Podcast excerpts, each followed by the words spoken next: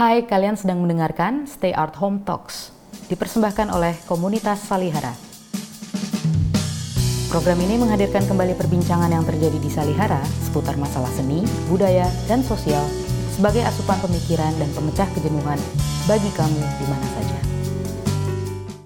Uh, diskusi kita pada malam hari ini mengangkat tema tentang uh, inspirasi dan ekspresi seksual remaja.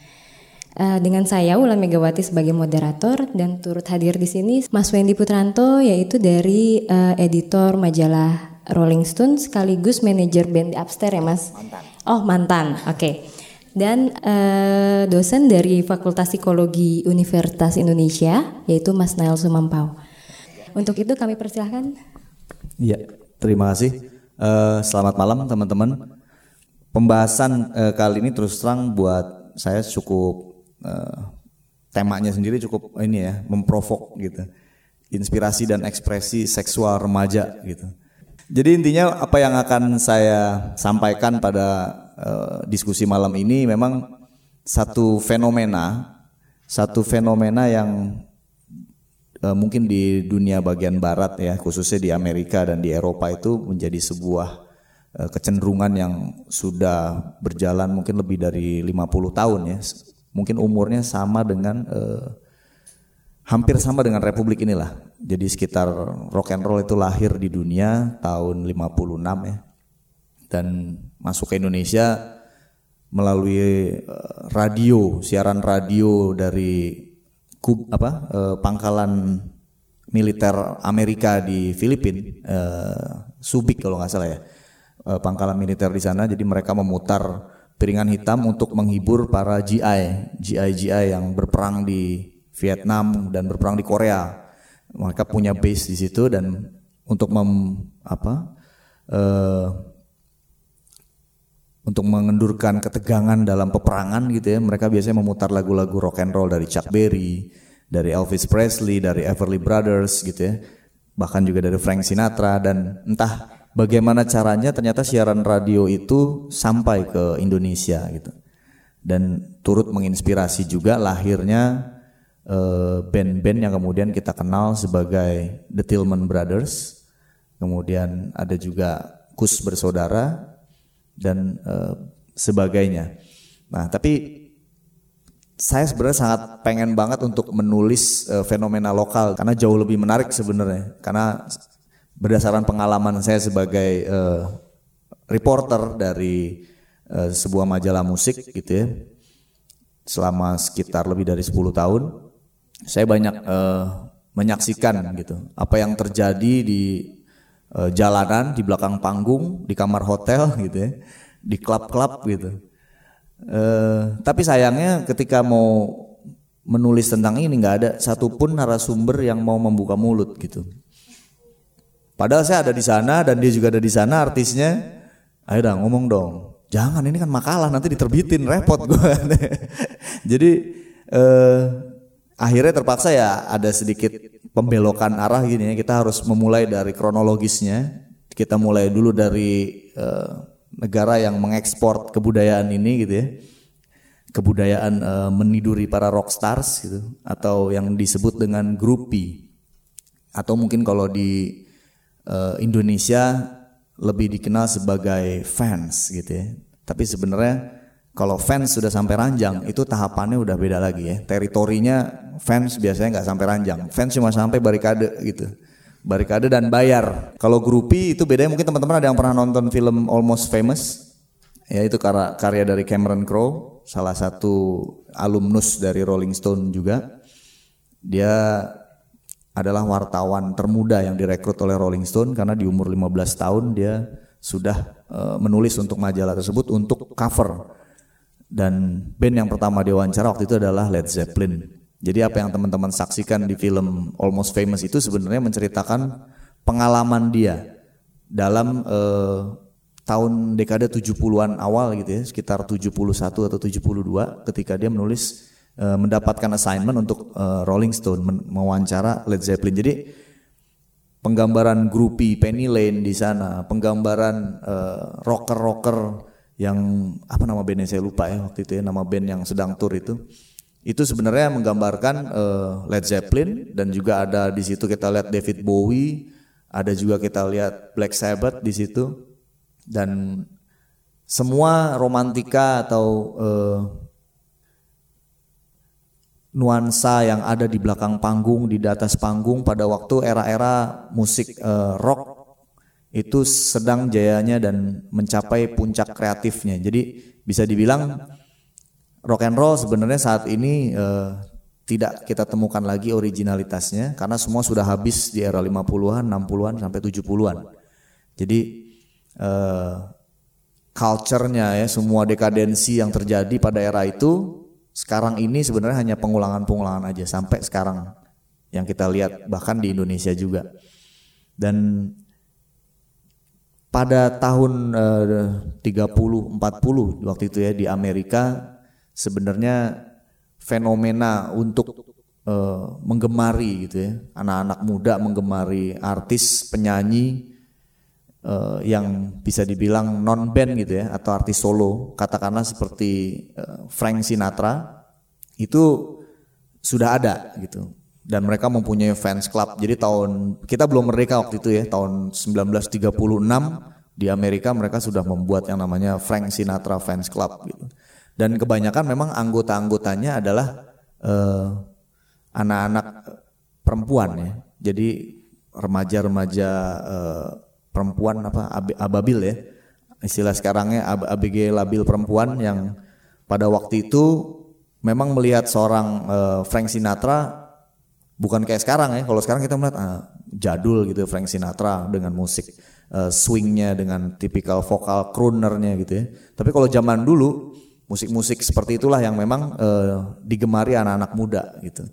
Bahwa Frank Sinatra adalah uh, seorang kulit putih ya dan jangan pernah lupa juga kalau di Amerika eh, segregasi sosialnya masih cukup tinggi waktu itu. Penonton pria dengan penonton eh, wanita yang kulit putih berada dalam satu ruangan tapi untuk kulit berwarna atau kulit hitam harus dipisah gitu. Dan Frank Sinatra waktu itu menjadi simbol yang bisa dibilang uh, sukses gitu ya. Tapi dia tidak menawarkan semangat pemberontakan misalnya, tidak menawarkan uh, satu spirit yang berbeda dan lucunya Frank Sinatra tidak menjadi ancaman bagi orang-orang tua gitu pada waktu itu di Amerika. Frank Sinatra dilihat sebagai oh anak saya uh, penggemar musik Frank Sinatra nggak apa-apa nggak masalah silakan jadi nonton gitu ya dan tradisi untuk seperti itu pada waktu itu uh, menjadi kebiasaan anak-anak muda di akhir pekan biasanya. Tapi ketika seorang yang bernama Elvis Presley gitu ya, seorang uh, anak supir truk gitu dari Mississippi, tiba-tiba muncul ya di tahun 56 dan menyanyikan lagu You Ain't Nothing But a Hound Dog gitu. Ada juga lagunya uh, Jailhouse Rocker gitu ya. Uh, uh, kemudian Don't Be Cruel, dia dengan goyangan pinggulnya yang mana dia mendapatkan inspirasi itu dari seorang uh, penari stripper yang ada di klub-klub teater. Jadi uh, ada film dulu yang yang apa ya judulnya saya lupa ya, yang uh, burlesque itu apa ya? Ada yang masih ingat nggak? Iya. Yeah. Nama filmnya apa ya judulnya? Si yang yang main ada Christina Aguilera di situ. Iya, yeah, berles ya. Ah ya, itu dia. Jadi uh, si Elvis Presley itu mendapatkan inspirasi dari penari tersebut. Ya, penari tersebut uh, namanya uh, Turana. Dia adalah Miss Japan gitu ya, paling cantik pada waktu itu. Dan ini dia bisa dibilang cikal bakal grupi karena Miss Turana inilah yang mengajarkan Elvis Presley bergoyang seksi dengan uh, gaya-gaya yang kita tahu di kemudian hari membuat banyak orang tua melihat anak-anak mereka e, mengalami e, dekadensi moral gitu ya. Apa ini musiknya? Rock and roll. Kemudian dianggap e, memberontak dari struktur kemapanan berbeda dengan misalnya Frank Sinatra gitu ya yang yang lebih kalem pada waktu itu nyanyinya dan kalau ini menghentak musik rock and roll yang mana sebenarnya perkembangan lebih lanjut dari rhythm and blues ya, dari blues sendiri, dari jazz yang kemudian di apa difusikan menjadi satu komposisi musik yang baru. Dan bagaimana cara menikmatinya, bagaimana cara mengekspresikannya? Ya dengan bergoyang seseksi mungkin gitu. Kita tahu secara fisik Elvis adalah uh, orang yang bisa dibilang cukup ganteng pada era itu gitu ya. Walaupun sebenarnya pelopor dari musik rock and roll sendiri banyak yang bilang bukan Elvis Presley tapi Chuck Berry gitu ya. Tapi karena orang kulit hitam yang memainkan musik itu akhirnya mereka tidak mendapatkan uh, kredit atas uh, pencapaian mereka dan akhirnya Elvis dianggap uh, sebagai orang kulit putih yang uh, mengambil alih inovasi tersebut dan mempopulerkannya. Nah, kejadian-kejadian uh, yang disebut dengan uh, fenomena Elvis Presley ini di kalangan remaja pada waktu itu khususnya anak-anak perempuan itu sangat uh, menggegerkan gitu ya. Karena belum pernah ada sebelumnya yang pertama musik uh, rock and roll itu ini satu hal yang baru pada waktu itu di antara kebiasaan-kebiasaan musik yang mungkin standar waktu itu jazz gitu ya, blues, rhythm and blues, soul mungkin ya. Tapi rock and roll hadir dan benar-benar uh, membuat semua orang tua orang tua di Amerika resah gitu. Ini anak-anak mereka mau jadi apa? Dan yang paling gilanya lagi adalah ya kejadian-kejadian yang ada tahun 57 di Detroit ada seribu orang polisi yang bahkan berjaga hanya untuk melindungi ruang ganti Elvis gitu ya. Dressing roomnya diserbu oleh perempuan-perempuan dan perempuan-perempuan ini lucunya dengan historikal gitu ya siap untuk uh, membantai polisi-polisi yang menjaga uh, ruang gantinya gitu. Belum lagi setiap konser di depan panggung ada sederetan polisi polisi berseragam dan juga uh, patroli pantai gitu yang sengaja ditaruh karena konser-konser Elvis belakangan mulai tidak ini lagi ya, mulai tidak nyaman, mulai tidak aman karena udah tidak kondusif gitu. Setelah konser dan nyanyi semuanya masuk dan di suatu kejadian merobek-robek bajunya gitu ya. Dan itu semuanya perempuan.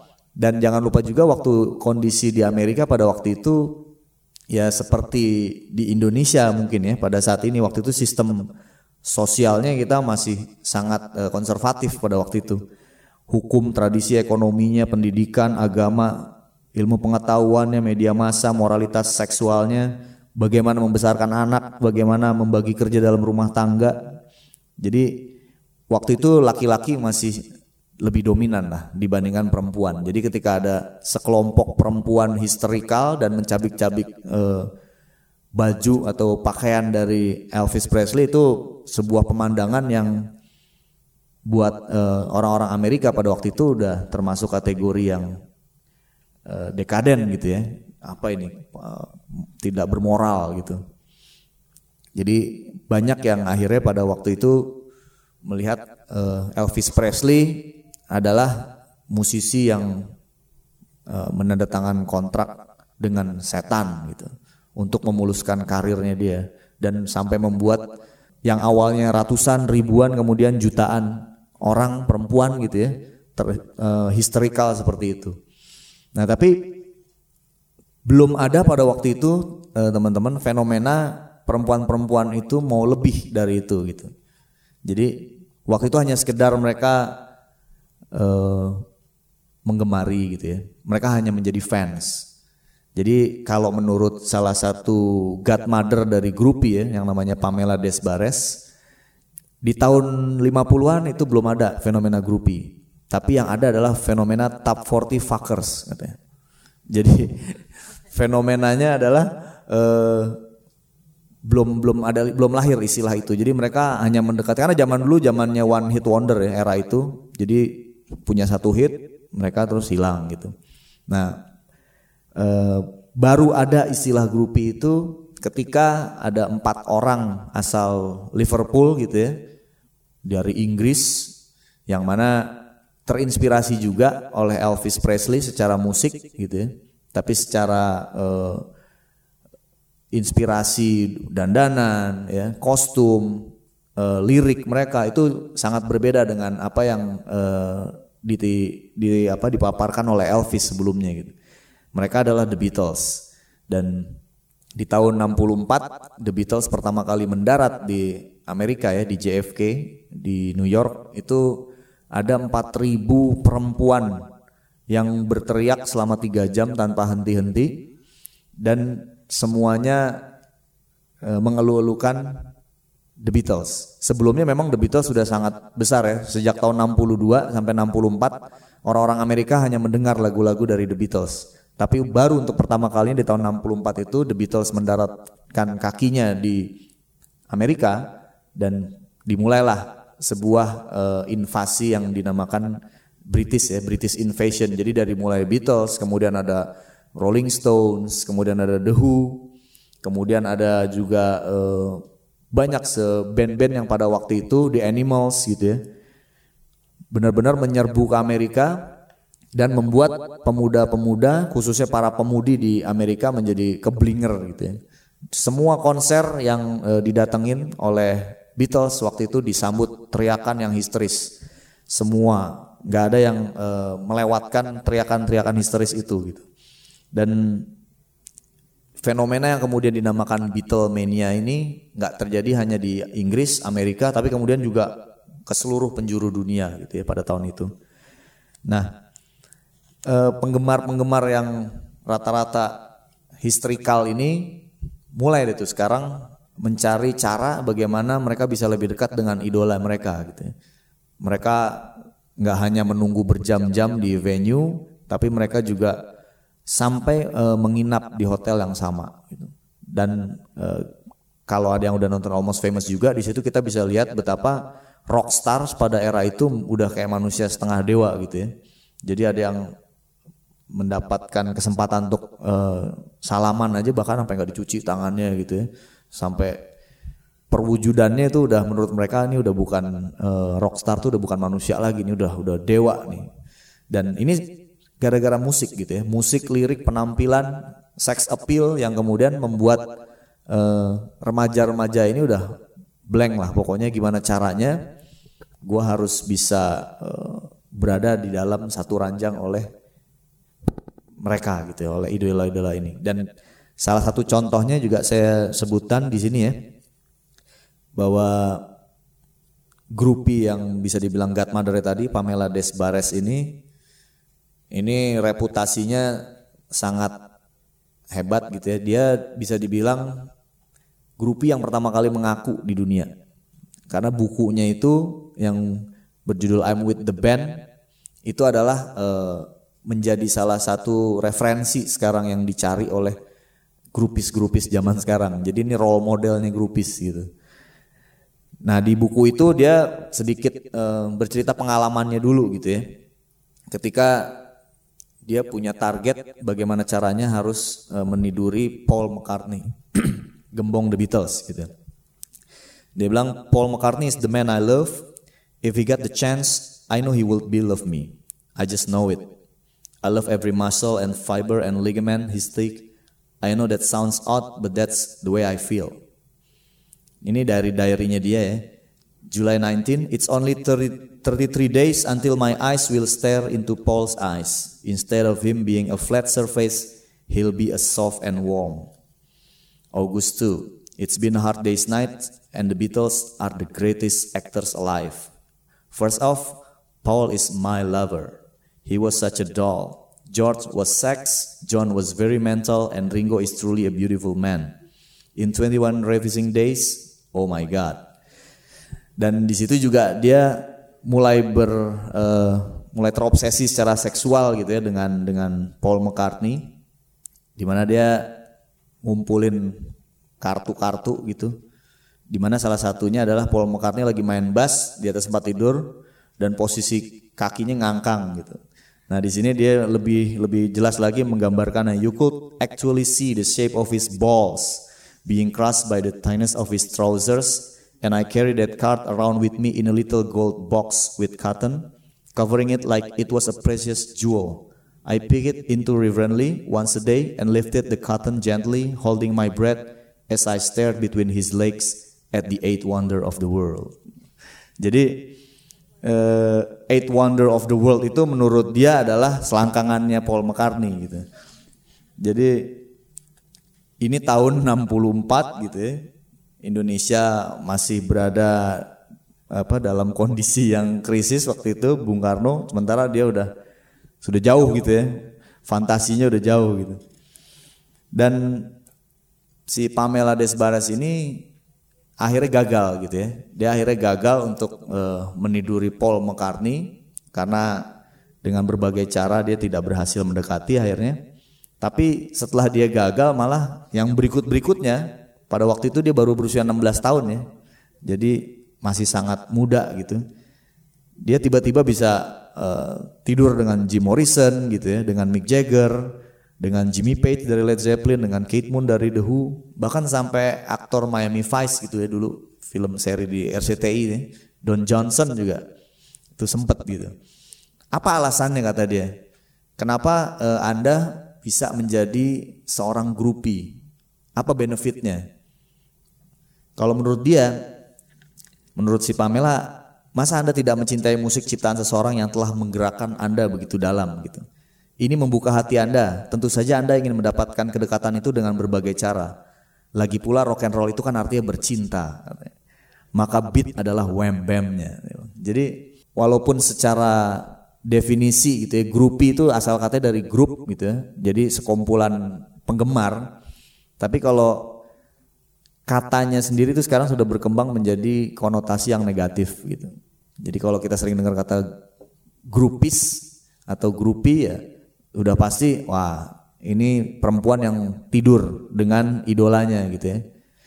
Padahal kita nggak tahu kalau kita masuk ke dalam dari beberapa buku yang saya baca gitu ya, ada tingkatan-tingkatannya sendiri sebenarnya.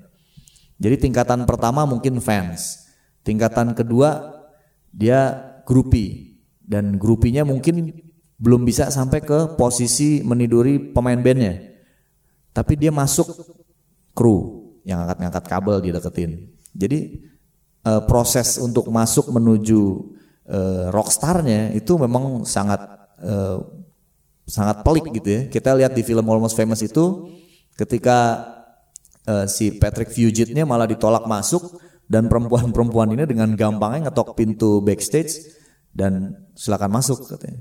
Semuanya masuk ke dalam tapi ketika uh, mereka dibilang, "Oh, pantas mereka bisa masuk karena mereka grupi." mereka juga nggak mau dibilang grupi gitu. Mereka bilang, hey, we're not groupies, we're band aids. Dia bilang. Jadi menurut mereka grupi itu istilah yang merendahkan gitu. Dan untuk sampai ke posisi itu, ya mereka juga harus tidur dulu dengan rodis ya, harus tidur dengan manajernya. Karena manajer biasanya yang memiliki backstage pass, yang memegang ini berdasarkan pengalaman pribadi dulu ya. jadi jadi manajer e, memegang backstage pass yang mana setiap setelah show itu kita punya semacam apa ya e, kartu akses ya all access gitu yang memang biasa kita bagikan cuma ke fans-fans perempuan dan fans-fans perempuannya lebih khusus lagi yang cantik-cantik gitu jadi ada seleksi alamnya di situ ya tapi kalau kalau dari sisi apa yang terjadi di uh, luar negeri kurang lebihnya sama gitu. Mereka mendistribusikan itu dan di Indonesia sendiri ada gitu fenomena seperti itu. Jadi saya ngalamin sendiri bahwa setelah dulu band saya yang saya manajerin namanya di Upstairs. Kalau mungkin teman-teman masih ingat ada judul lagu Disco Darurat gitu ya. Jadi ada terekam tak pernah mati. Jadi fansnya anak-anak SMA semua. Jadi eh, raja pensi lah pada waktu itu. Jadi yang saya hadepin pada waktu itu emang wah barely legal semua gitu ya. Yang yang memang sebenarnya agak, wih, tapi mereka ekspresif gitu. Dalam artian uh, ketika vokalisnya sebenarnya nggak ganteng ya di upstairs ya si Jimmy Multazam itu. Jadi jangan ngelihat kalau sebuah band itu daya tariknya cuma ada di vokalis, bukan. Tapi ada seorang basisnya gitu. Basisnya bisa dibilang si Alfi ini ya, uh, dia bisa dibilang kayak siapa yang cat uh, AADC itu yang cowoknya? Rangga. Nah, dia udah kayak Rangga lah. Jadi dulu uh, cool gitu ya kalem dan pemain bass gitu. Uh, pokoknya the way he moves tuh semua perempuan kelepek-kelepek lah waktu itu gitu. Dan dan semuanya SMA gitu. Ada yang SMP malah waktu itu kelas 3 pernah dia habis manggung waktu itu kita di tenis indoor Senayan. Dia turun gitu ya. Dan dari sekitar jarak 30 meter ada perempuan gitu lari dan ditomplok gitu. Dipeluk gitu. Alfi gitu. Wah ini kenapa nih gitu kan tapi ya karena udah udah cukup biasa ya nggak me- menghandle seperti itu dan akhirnya ya eh, kita bilang iya tapi ini baru selesai manggung masih masih keringetan segala macem gitu. Dan si Alfi cool aja dia. Dia jarang ngomong dia senyum-senyum aja. Emang anaknya agak begitu gitu ya. Pinter untuk eh, memaintain posisi ketika eh, lagi populer gitu ya.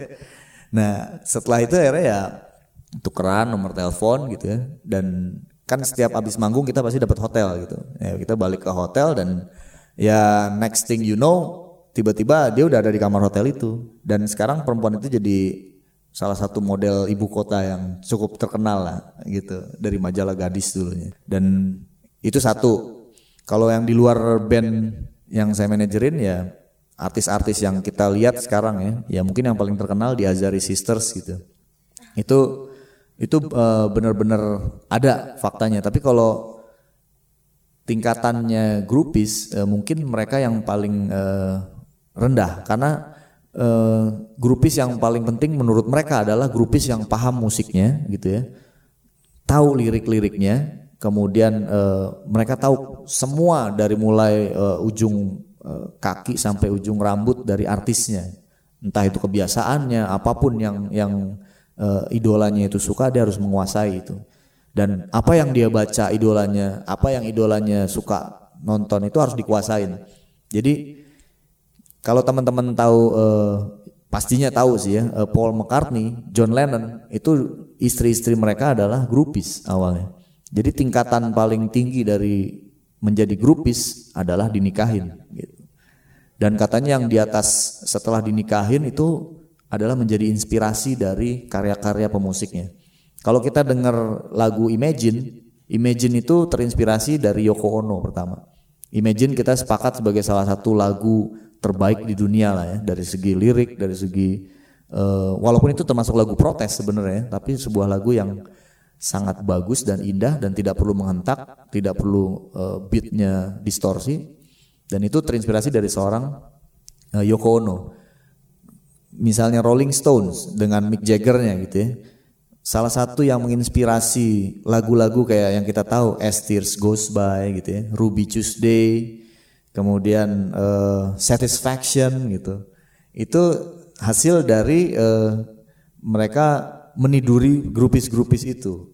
Dan ketika grupis itu tahu bahwa lagu ini saya ciptakan setelah kita berhubungan seks gitu. Wah, itu tingkatannya udah di nirwana itu. Udah beda jauh gitu ya, udah posisinya paling paling paling ujung lah. Jadi intinya kalau dilihat tadi sempat nanya gitu ya, ada benefitnya apa sih jadi grupis selain lo bisa tidur, selain lo bisa eh, hangout dengan mereka, berada di lingkaran terdalam dari VIP gitu. Yang kita lupa juga dan mungkin tidak sering sadar adalah ketika mereka menikah dan biasanya umur pernikahan itu tidak lama, mereka dapat share dari eh, kekayaan si artis. Gitu. Jadi ada muatan komersial juga di balik eh, grupi-grupian ini gitu ya, di balik movementnya grupis ini. Dan kalau di Indonesia sendiri saya nggak tahu gitu ya, kalau itu eh, menjadi salah satu tujuan dari grupis lokal kita nggak ya? Mungkin mereka bukan eh, dedicated grupi gitu ya, dalam artian mereka nggak nggak nggak seperti para pendahulu mereka ya di tahun 60-an ini si Pamela Desbares dan misalnya Cynthia Plester Caster gitu ya. Jadi mereka cuma sekedar de- mau deket sama orang yang ngetop gitu ya. Nggak ada unsur mereka berdiskusinya ya, terjadi eh, tukar menukar wacana diskusi kayak eh, Linda Eastman si istrinya eh, Paul McCartney ini dia seorang fotografer juga tapi dia seorang yang sangat cerdas gitu. Dia doyan baca, dia benar-benar eh, ngikutin semua kebudayaan kontemporer gitu ya. Dan ketika Paul ngomong dikenalin, ada yang nyambung gitu di situ. Jadi getarannya bukan karena getaran seksual doang ya, ada getaran-getaran intelektual juga yang terjadi. Sampai akhirnya pada saat itu Paul sebenarnya udah eh, apa udah tunangan dan dia meninggalkan tunangannya untuk merit dengan uh, Linda Eastman. Yang mana Linda Eastman sendiri sebenarnya juga janda muda gitu waktu itu.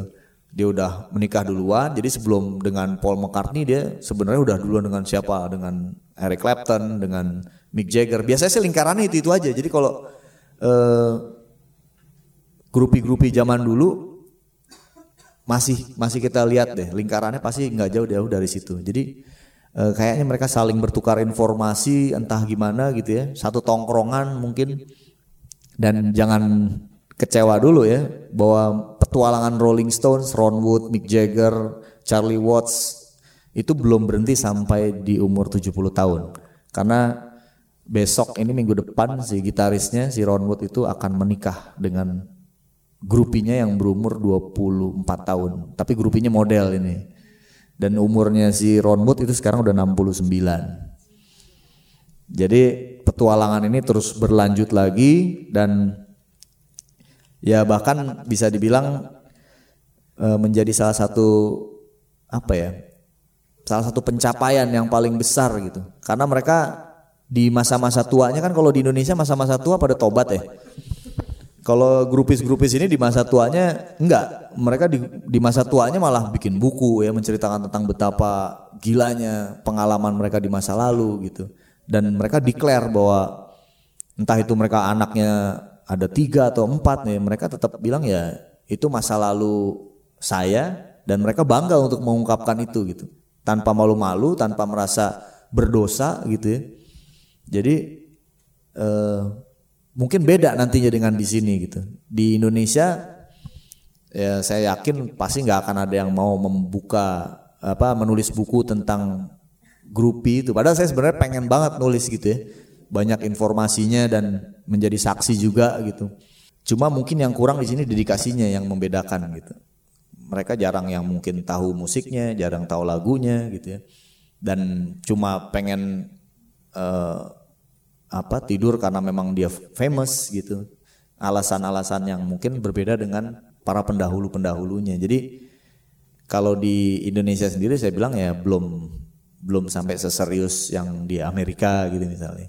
Tapi yang pasti eh, sekarang ini kita lihat bahwa rock and roll itu menjadi salah satu inspirasi karena datangnya dari situ ya dari figur-figur eh, rockstar tadi yang kemudian karena desakan biologis atau mungkin uh, pubertas gitu ya akhirnya membuat ekspresi seksualnya itu terlampiaskan ke figur-figur yang dia idolakan gitu.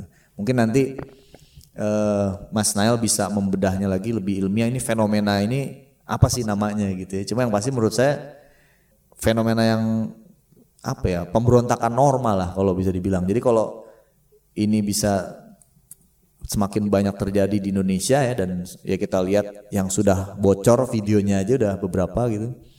Yang belum bocor masih banyak lagi sebenarnya. Jadi intinya emang eh, sekarang ini laki-laki bukan dilihat hanya sebagai pencari nafkah gitu ya, tapi sudah menjadi objek fantasi liar para perempuan-perempuan muda gitu.